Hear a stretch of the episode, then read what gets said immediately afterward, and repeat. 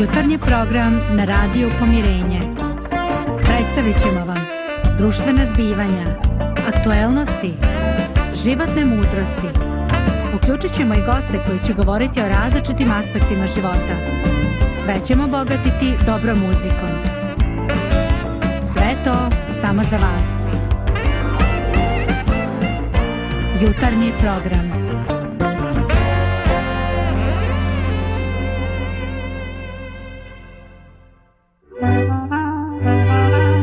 Riječi mudrih ljudi Svjetlo i radost na našem putu Pozdrav dragi slušalci Radio Pomirenja Evo nas ponovo zajedno Danas su malo krnjem sastavu Jer tu je pored Lidije našeg tonca Tu je Dragana i ja Eto osoba boj 3 Boži dar je od sutani. Juče smo imali Miru iz Zenice koji je trenutno u Mostaru. Uh, koji nam je bio osvježenje. No, šta je tu je? Idemo sa onim što imamo. Dakle, e, govorili smo o onome što biva u čovjeku, o tome kako e, razvoj saznanja životnog standarda djeluje na fenomen zla u čovjeku. I, nažalost, e, shvatili smo da čovjek napreduje u znanju, ali da ne postaje bolji. E, makar ne na način na koji bi se to prepoznalo i vidjelo očito. Evo i za danas imamo nastavak te teme, no predlažem da umjesto uh, priče pustimo jedan uh, video koji je snimljen u, u studio Reset koji možete pronaći uh, na Facebooku ili na YouTube. Dakle, uh, pogledajmo uvodni video kao početak našeg današnjeg razmišljanja. Njegov će u Gorskom vijencu izjaviti, reći nešto zaista za nas, ljude u ovome vijeku, teško razumljivo. I govoreći u tim sukobima, on će reći, tu ratuju dusi s nebesima. I nekako nam je to razumljivo šta bi trebalo predstavljati taj nebesa. Ali on ovdje govori o dusima koji su suprostavljeni i koji ratuju sa nebesima. Šta je njegov htio da nam poruči? Kakvu je on to tajnu znao? Šta je to što je on govorio, a što izmiče modernom čovjeku današnjeg vremena? Ja duboko vjerujem da je njegoš znao stihove iz svete knjige, tačnije iz otkrivene apokalipse, zadnje i najtajnovitije knjige u Svetome pismu. Podijelit ću to s vama. Kaže se ovako. I posta rat na nebu. Mihajlo i anđeli njegovi udariše naš daju i bisa aš daja i anđeli njeni. I ne nadvladaše i više im se ne nađe mjesto na nebu. Izbačena bijaš daja velika stara zmija koja se zove Đavo i Sotona, koja vara sav vasioni svijet. Izbačena bi na zemlju, i anđe njezini bijehu zbačeni sa njom. Pogledajte, ovdje se govori o jednoj surovoj utakmici, o ratu. I daje se informacija da iako je taj rat riješen na jednom nivou, završen je na nebu, ta pobunjenička ekipa je iz nekog razloga koji čovjek razumije ili tek treba da shvati, zbačena na zemlju. I ovdje nam se govori o pozadini ove utakmice. I ovdje nam se i govori da postoji u obrazilja slobode i ličnog izbora. Ovdje nam se jednostavno sugeriše da čovjek živeći nesvjesno igra za jedan i za drugi tim. Može li čovjek biti samostalan? Šta je se dešava učiniti? u svemu ovome. Da li mi, ljudi, i protivno svojoj volji, učestvujemo za jednu od ekipa? Da li smo na strani neba? Ili smo naša dijela produkt džavolske, sotonske, demonske inspiracije? Znam da je to definitivno neprihvatljivo racionalnom umu, ali njegoš i sveto pismo nemaju ni malo sumnje.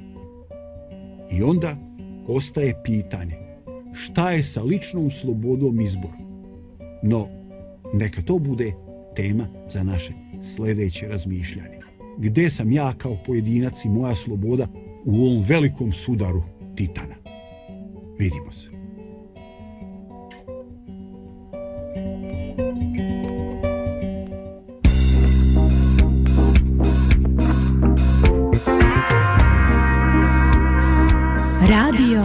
mireña.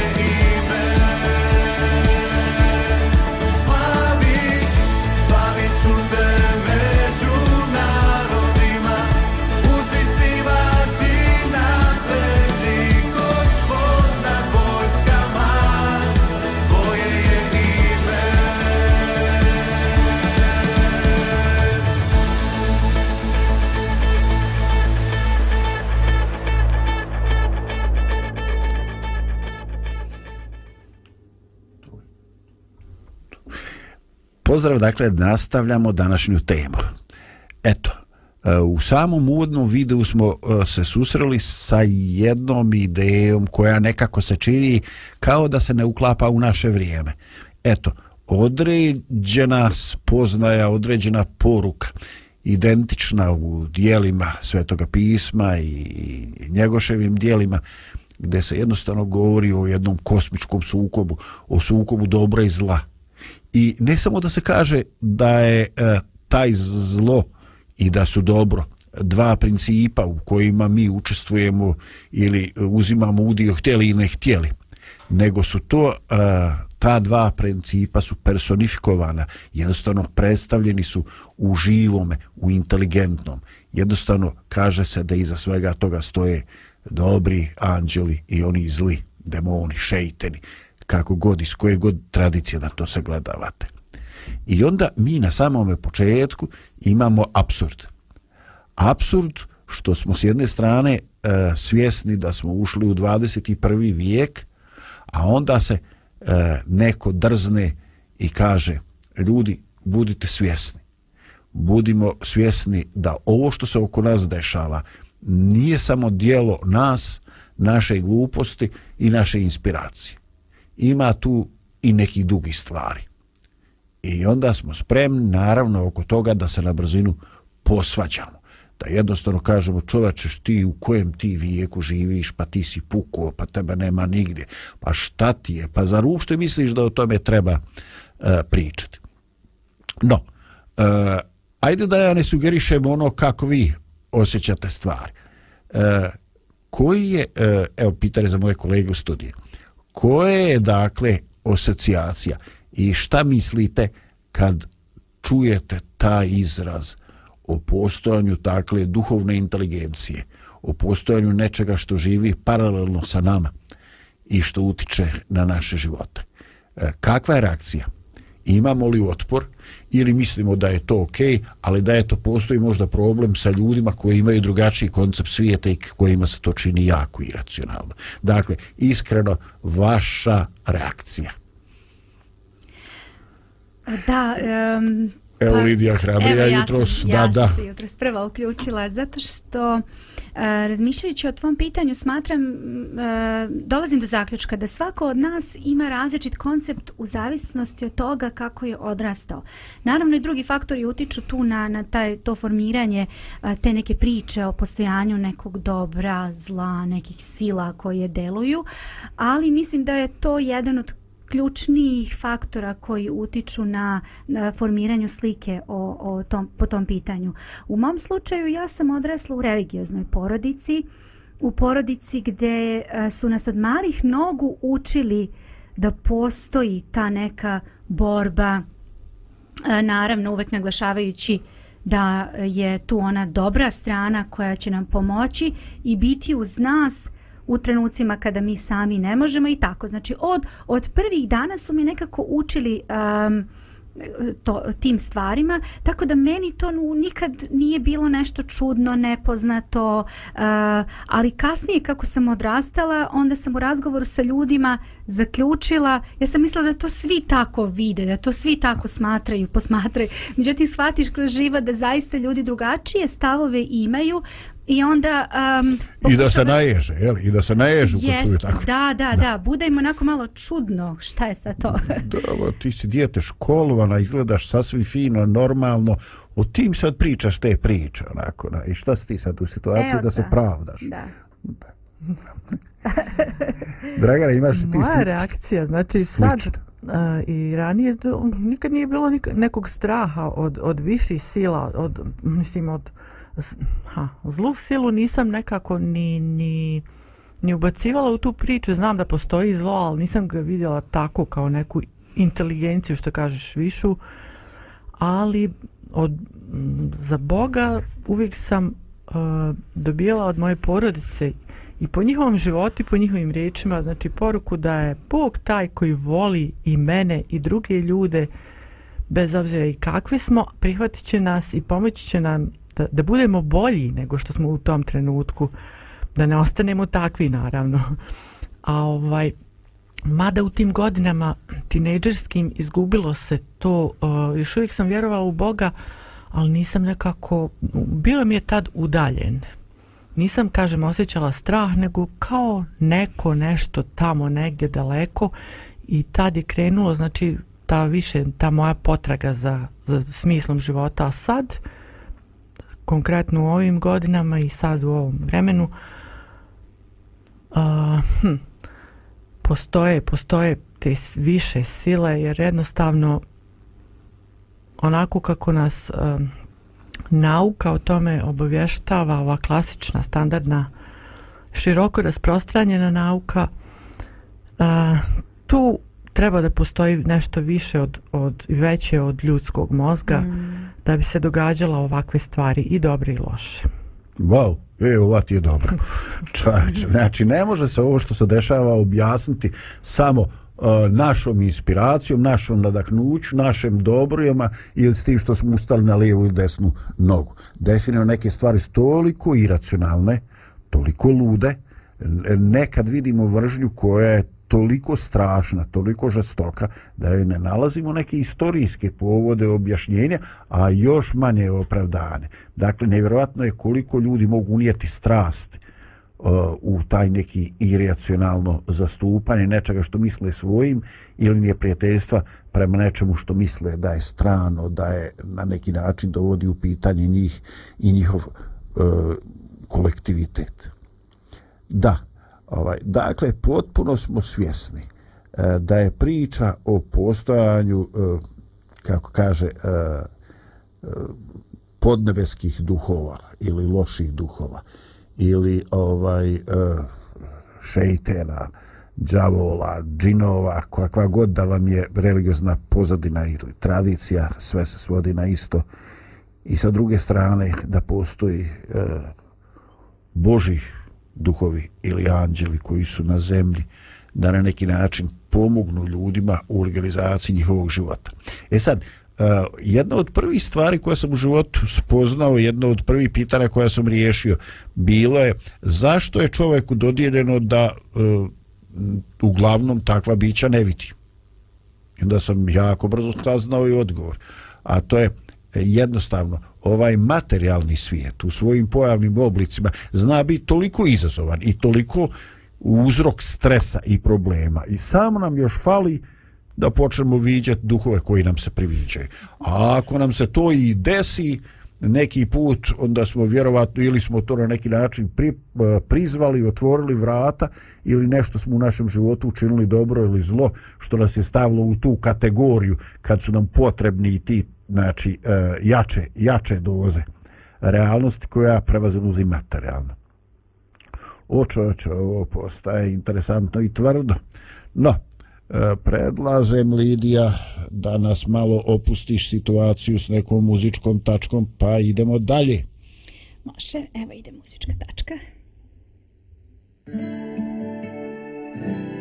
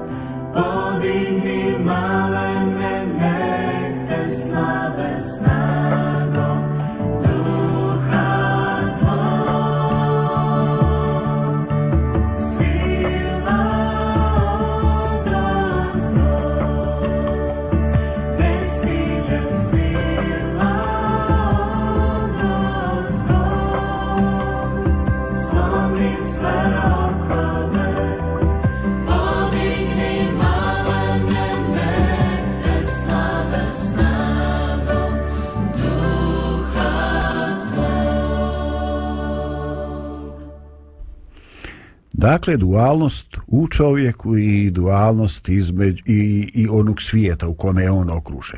Dakle, kad pričamo o dobru i zla, mi pričamo o podijeljnosti u samome čovjeku, u onome što on jeste i što je on u potencijalu što bi mogao sutradan biti. I sa druge strane, kad čitamo sve to pismo, inače sve te knjige, mi saznajemo o toj podijeljenosti, o dobru i zlu kao inteligentnoj sili u svijetu duhova ili o svijetu anđela. Dakle, sve te knjige nemaju nikakve sumnje. One govore da su ta bića prisutna i da u mjeri e, svojih sposobnosti, u mjeri onoga što im je dodijeljeno, utiču na naše živote pozitivno ili negativno. Pokušavajući da te živote relaksiraju, usmjeruju, podignu na veći nivo ili da ih učine e, da, destruktivnije. Eto, e, na našem prostoru je na jedan šaljiv način snimljen i onaj film koji se zove Nismo mi anđeli gdje je ovaj, jednostavno na jedan komičan način e, dva bića tu i tamo pazeći na svoja ograničenja i ovlaštenja e, komplikuju ili relaksiraju ljudske živote ali e, svi mi negdje u dubini srca znamo da to je tek jedna filmska kreacija dakle da je to nešto što je puno ozbiljnije. No, ako postoji jedno i drugo, dakle, ako postoji nešto kao potencijal, kao dve prirode u čovjeku, na koji način mi ljudi pokazujemo odgovornost, na koji način mi možemo uticati na smjer našeg razvoja, šta će od ta, tih potencijala za dobro ili zlo preovladati ili šta će od toga pobijediti u našem životu i je li to uopšte moguće da nešto pobijedi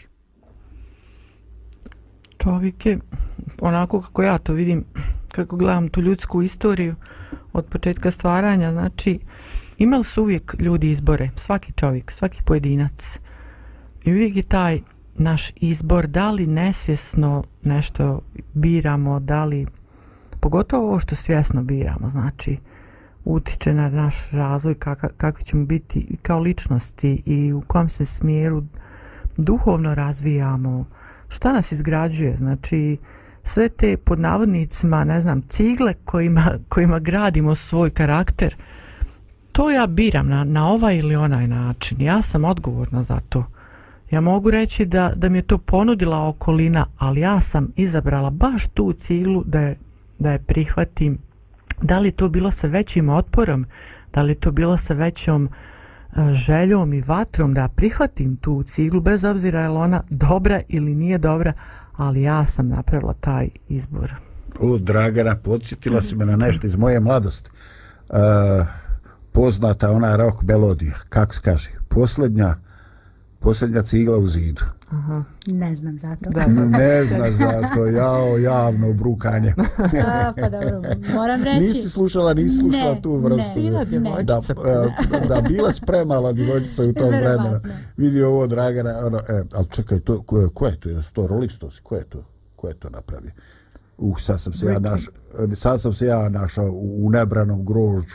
Evo, baš sam napao Lidiju, a, a shvatio da sam Vidiš ja zaboravio. Vidiš kako zaboravim. ti se vrati bumerang. E, e, evo, evo, što ti je karma je kučka. Da, eto, vidiš, odmah mi se vratila. No, dobro. Ovaj, posljednja cigla u zidu je nevjerovatno. Dakle, e, Dragana, ti govoriš o nekome našemu izboru, nečemu što mi svjesno, nesvjesno, pogotovo svjesno izaberemo. Uh, ali postoji dakle i to, postoji posljednja cigla zir, postoji nešto što definitivno predijeli i usmjeri tvoj život i onda je upitno da li se može natrag. Da, postoji misterija i te posljednje cigle u zidu, nešto što definitivno o, oformi naše biće. Dakle, očito je da ono šta živimo, šta uzimamo, šta akceptiramo, na što dajemo akcerat, uh, šta smo spremni posmatrati. Da li nam je čaša dopola puna ili dopola prazna i te mhm. kako utiče na percepciju stvarnosti, koliko je stvar dobra ili nije. No, ajmo jedno praktično pitanje. Da li vidite, možete li mi povući neku paralelu između higijene tijela, ruku i higijene uma ili neko to kaže mentalne higijene? Ima li nešto to zajedničko, ta dva pojma? Apsolutno da, ja bih se uh, složila sa tim i možda samo malo jedan korak se vratila nazad vezano za ovu priču uh, o postojanju dobra i zla. Uh, smatram da uh, Um, vi prihvatate, kao što sam rekla i, i, i malo pre kad smo krenuli sa diskusijom, vi prihvatate uh, neke činjenice i Dragane malo pre o tome govorila, uh, nešto što vama zvuči logično ili vam je bliže ili vam je bliskije ili su vam možda roditelji ili škola, kogod već, uh, to, to formirali ta neka mišljenja, mišljenja u vama. Um, ali ako prihvatite, recimo, prihvatimo činjenicu da je uh, Biblija sveta knjiga. I sada otvorite Bibliju, čitate biblijski tekst, vi ćete jasno vidjeti da postoji sila dobra, znači to je Bog, božanstvo i sila zla koja se nekada u jednom trenutku pojavila.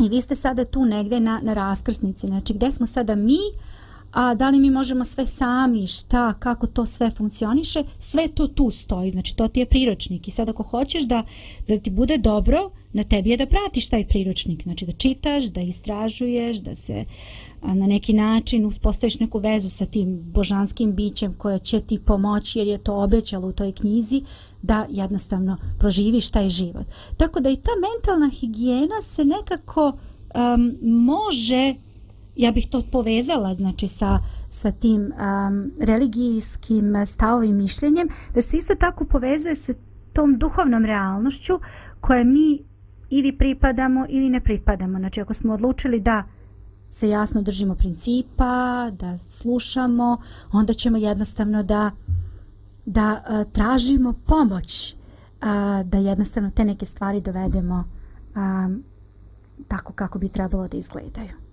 U, bravo. Bravo, ovo je baš bio dobar doprinos. Hvala Lidija. Dragana, imaš li javljanje u ovoj etapi? Razmišljam još, ono, znaš da...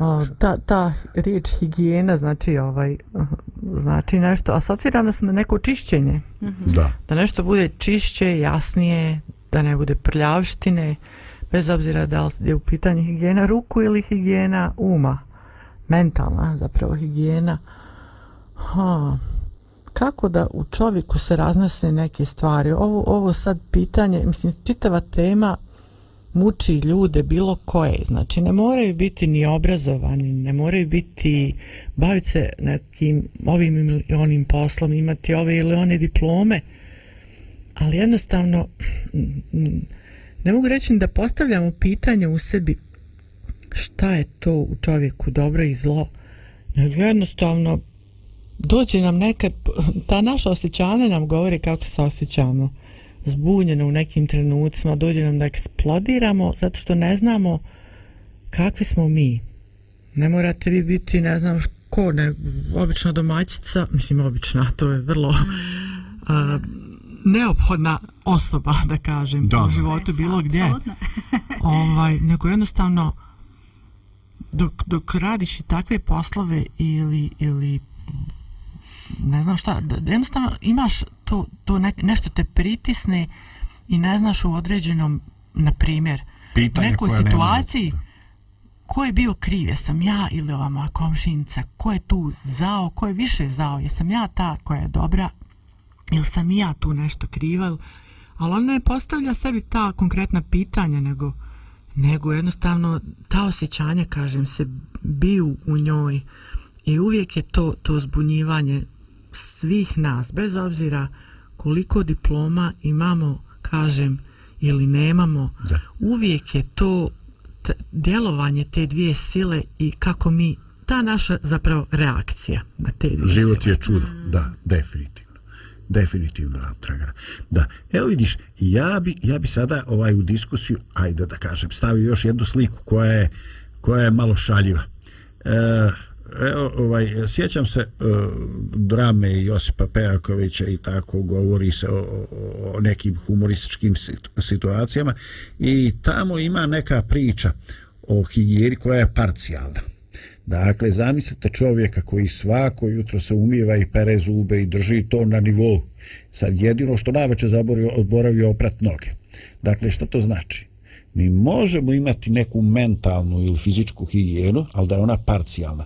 Da neki aspekt života ili neki dio našeg tijela nije e, u istoj mjeri i tako pažljivo tretiran kao onaj drugi. Dakle, mi možemo imati odnos prema, e, odnos prema novcu, prema kocki, prema ljubavi, prema emocijama, e, da tome pridajemo mnogo manje pažnje ili da u to ne stavljamo, ne doživljamo u nekome e, duhovnom konceptu. Jednostavno, e, ponekad je problem čovjeka što se on trudi da bude prosječan, normalan, prihvatljiv, a u nekom aspektu njegovog bića stvari nisu poredane kako treba.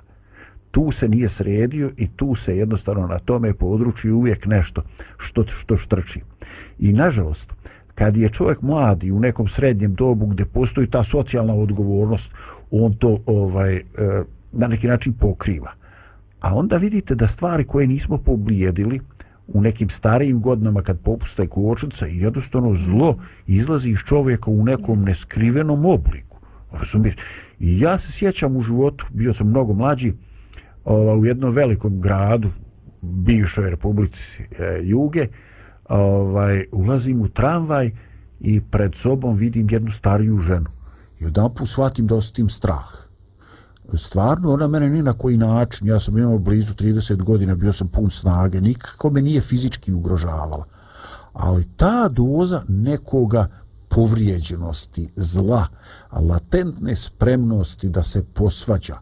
Znači, ja, sam, ja bi toliko želio da je taj tramvaj za jedno metar i poširi i da mogu da je zaobiđe, jer ona nosi poruku e samo čekam da me neko mrko pogleda pa da se istrese bože moj kako je nekad vidljivo nešto negativno što nose ljudi u sebi ne znam čime je to napajano čime je inspirisano ali neka to postaje jako jako vidljivo dakle hm. priča i za ljude koji su e, pozdrav ekipi 50 plus e, razmišljajmo e, i o tome da neke stvari treba dovesti u ravnotežu još da imamo punu čistotu uma i snagu. Nemojte da budemo ovaj stari i ludi, ljudi koji nisu uspjeli da riješe neke stvari u životu. No, e, prije e, predposlednog dijela zavolit ćemo Lidiju za još malo relaksacije.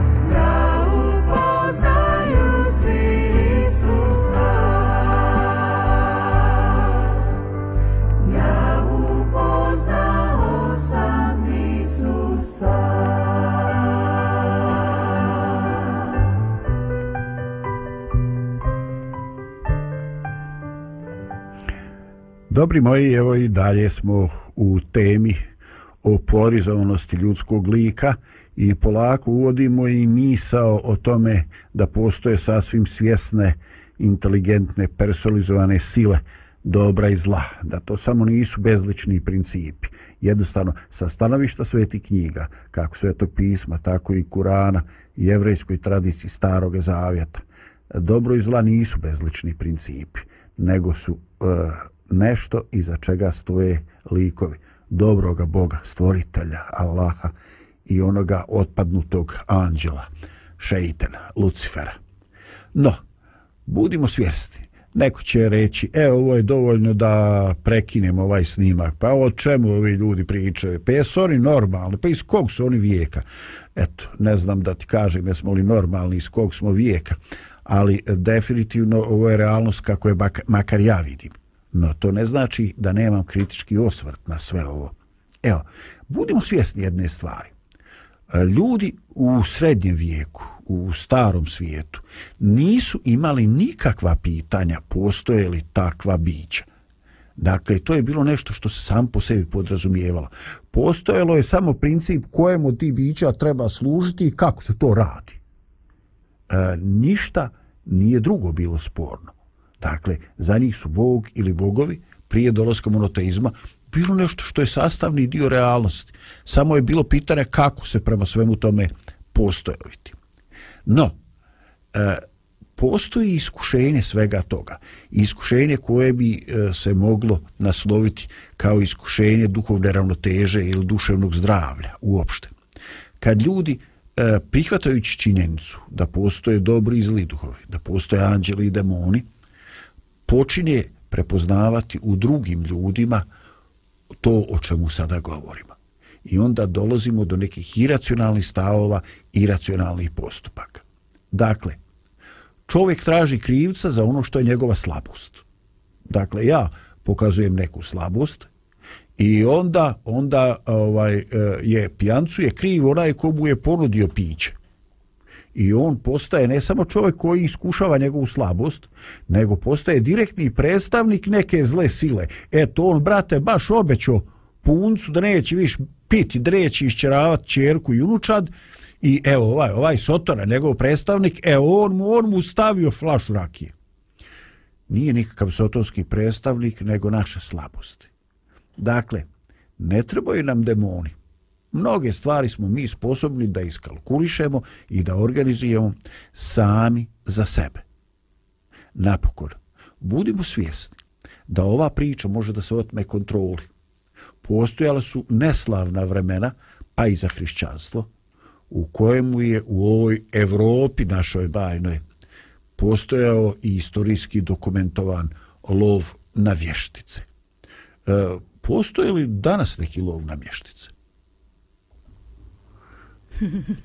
tu, I sad, evo, ovo me se niste nadali. Evo, ovo niste dobili u skripti. Nismo. Nismo, nismo ovo Nismo definitivno, da, ali a, sve vreme razmišljamo o, o ovome što si do sad govorio i pričao i rekla bih da a, meni lično a, se sviđa a, činjenica i stav koji prihvatamo, a to je da je čovek u stvari najviša vrednost vrednost i trebala bi da bude najviša vrednost.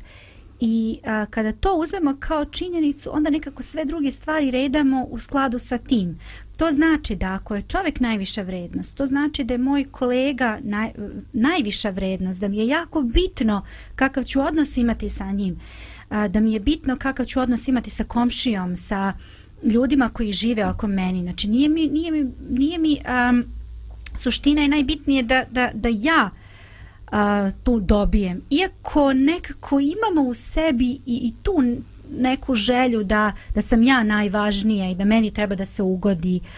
Ali, a, ali kada, kada uzmemo ipak tu činjenicu da je čovjek kao čovjek najviša vrednosti u, u tom smislu da ako svi budemo ulagali u, u, u tu klauzulu, to je činjenicu, onda zaista mislim da može sve izgledati i biti drugačije. Uh, A s druge strane, ako si spomenula si u prethodnom um, segmentu onu ženu, um, ja bih je nazvala ne znajući koja osoba i baš volim što ne znam, ali e, osobe koje vidimo da se ponašaju na određen način nama smeta, smatram da su, da su to osobe koje duboko u sebi nose neke boli, neke, neke strahote i onda opet, ako je čovjek najviša vrednost, ja sam tu da pokušam da razumem, da pokušam i da nekako tu priču um, dovedem na, na neki nivo uh, kako bi to trebalo.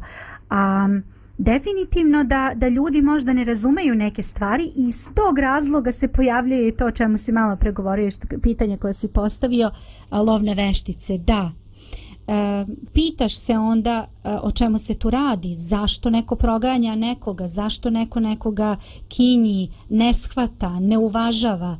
Eto, mi se nekako sve vrijeme trudimo, dakle, kroz našu priču pokušamo da razumemo i prihvatimo stavove drugih, možda ih nećemo prihvatiti, ali ćemo pokušati da ih razumemo i da damo širu perspektivu, to je priču o nekim e, činjenicama. Tako da mislim da je to najvažnije, znači biti otvoren, saslušati, saslušati, i pokušati da razumeš. Ne moraš prihvatiti, ne moraš ti živjeti tako, ali jednostavno da znaš da postoji drugo i drugačije i da se ti možeš sasvim normalno da živiš. Hmm. Dobro, lijepo, slažem se. Iako baš nisam dobio odgovor na ono što sam pitao, ali aj dobro, aj prihvatimo i to kao različitost. Šta ja sad da kažem? Ovo, posle Lidinog ovo svega. Dragi slušalci, ja, završavamo emisiju. Evo, ja, ja popisujem, popisujem. Da. Ja mislim da sam ipak odgovorila na pitanje, ali ok. Da. O, ovaj, e, e, ja, ću, ja, ću, e, ja sam ovaj, kriv za ovu komplikaciju, pa ću ja pokušati malo da izvučem. Dakle, princip lova na vještice jeste uh, da se E, prepoznaju osobe preko kojih ti neke duhovne sile doživljavaju e, materijalni ulazak u naš svijet.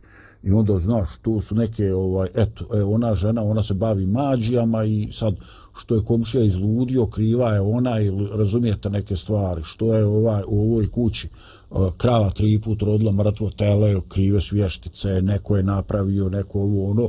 Znači čak i u, na Balkaru postoje ti neki magijsko posmatranje svijeta i tako. I onda problem jeste što ljudi prihvataju postojanje zla i otjelovljenog zla, postojanje demona, ali ovaj uh, oni ih nekritički imaju sklonost da to povežu s ljudima i svoje neprijateljstvo uh, prema zlu da iskažu u neprijateljstvu prema čovjeku kojeg vide pred sobom. Ali pogledajte, ako uključite informativne emisije, pogotovo u vrijeme nekih sukoba, ratova. Treba li vam primjer? Ne treba, vjerujem da ne treba, naćete ga sami. Pogledajte, e, osnovni pratilac svakoga sukoba jeste da se protivniku oduzima ljudski lik, da se on demonizuje, da se stvar e, postavlja crno-bijelo, prava strana, kriva strana. I uopšte svaka strana za sebe kaže mi smo prava strana, oni drugi su demotnizovani, mm. oni nas ugrožavaju i jednostavno uh, oni nemaju pravo da traže da se prema njima ponaša prema ljudima. Zbog toga što su radili i onda najcrnije primjera ono što je napravljeno nama, kogod bili mi, ti, mi. Vidite, e, to je standardni obrazac lova na vještice.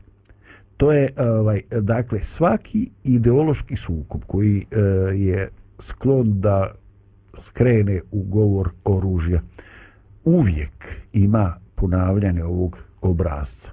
Oduzimanje ljudskoga lika čovjeku. Mogu malo da se ubacim? Naravno. Svoj, kratko. Ove, ovaj, znači, krenuli smo a, e, na početku ove, ove naše priče i druženja, a to sukob tih viših sila, evo, došli smo do ovog sukoba ovih naših nas. Mat, nas, da. nas, niži, da kažem, bića od, u, u odnosu na te više sile. E sad, to ste spomenuli jedno i drugo, ovaj, znači, taj izraz vidjeti. Šta, ko se tu u stvari vidi? Mi vidimo kao ljudi svojim bilo kojim osjetlima, znači, o, možemo da prepoznamo uh, a to je čovjek kao ja, to je čovjek, to je čovjek. Znači mi znamo da su ljudi oko nas ista vrsta bića, materijalna bića, ne samo da smo mi materijalna, ali mi ih tako, većina ljudi nas sebe tako doživljave. Ali ovaj, šta, šta je sa ovim višim silama? Da li mi njih možemo vidjeti ili nas, nam oni trebaju uh, uputiti neke poruke da bi se otkrili nama? i to samo u određenoj mjeri, znači ne, ne mogu se potpuno, ne možemo ih ni shvatiti zapravo. Mm -hmm. ovaj, ali kažem, mi vidimo, ono što vidimo su samo materijalne, materijalna bića, materijalne stvari, materijalni svijet. I tako, tako počinjemo da, nažalost, živimo svoje živote, bar većina ljudi. Mm -hmm. I onda počinjemo upravo to što kažeš da, da, da, pravimo nešto crno i bijelo na osnovu toga doživljavamo čitav život, Stereotip. čitav svijet samo mhm. zato što što vidimo to što vidimo, da kažem. A kažem vidimo mozgom, ne ne očima, možemo biti slijepi na očima, ali da da mozgom svojim umom doživljavamo eto takav je život, nema više ništa izvan ovog. Živiš 70, možda 80 godina, umreš, šta to vrijedi? To što sad posađam sa ostalima, baš me briga, da li vrijedi da nešto bude lijepo u mom životu ili šta ja znam, ili idem se provoditi ili ko zna kakve imamo filozofije, znaš, ono, mhm. svako je svoje. Živimo i u gradovima i u selima i ko zna gdje ima i beskućnika koji živi ispod mosta ili šta znam. Toliko smo različiti i, i okruženi smo, a ne znamo da, da tu postoje samo te dvije sile, bez obzira gdje živimo. Mm a, i, i, to I da su uvijek račite. tu i da su, i da, su, da one utiče na od, on one da. utiču na sve nas.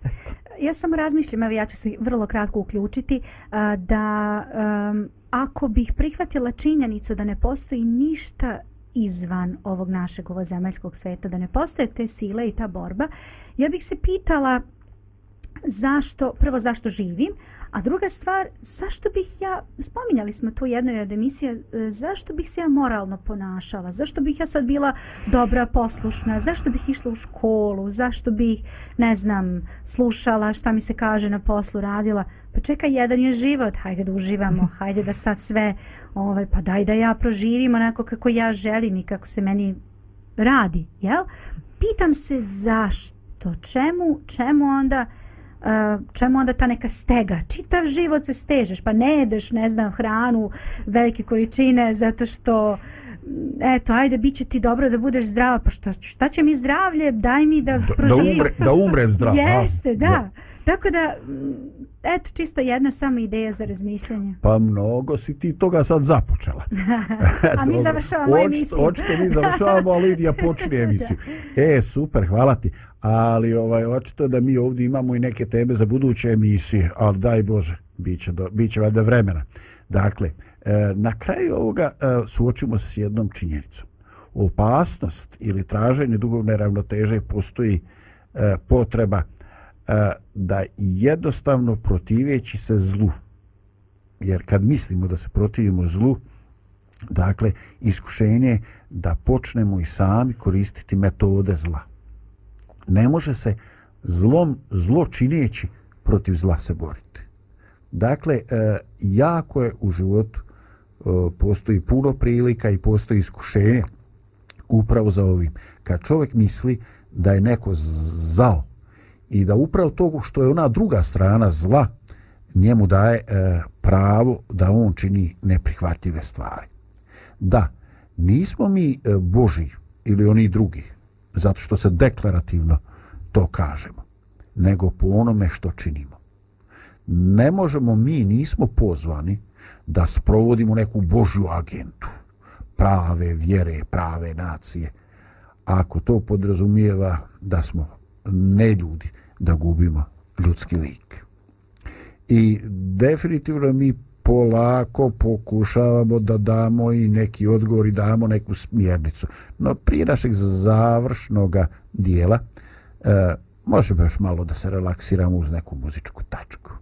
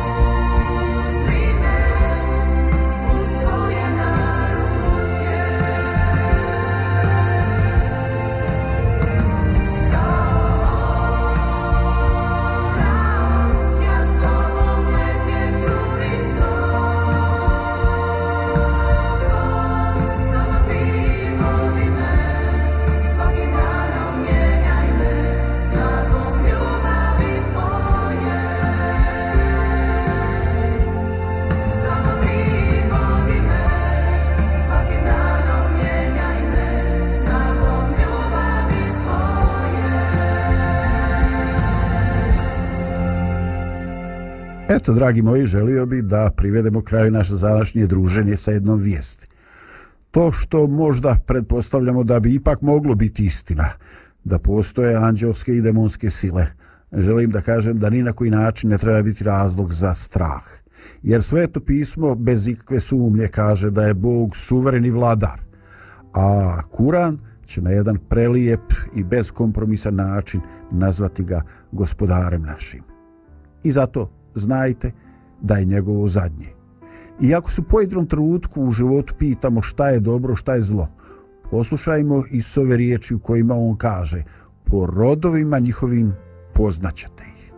Dakle, nećemo uvijek biti u situaciji da budemo dovoljno analitični, dovoljno pametni, da raspoznajemo učenja ideologije, da znamo šta je dobro, šta je zlo. Ali sačekajte i vidite kakve rodove dolazi i znaćete koji iza njih stoji. I tako, dok završavamo, e, pročitaću e, nekoliko redaka koje se pripisuju apostolu Pavlu. Da držiš zapovjes čistu i nezazornu do dolaska gospoda našega Isusa Hrista, koji će u svoje vrijeme pokazati blaženi jedini silni car nad carevina i gospodar nad gospodarima, koji sam ima besmrtnost i živi u svjetlosti kojoj se ne može pristupiti koga niko od ljudi nije vidio niti može vidjeti, kome časti država vječna.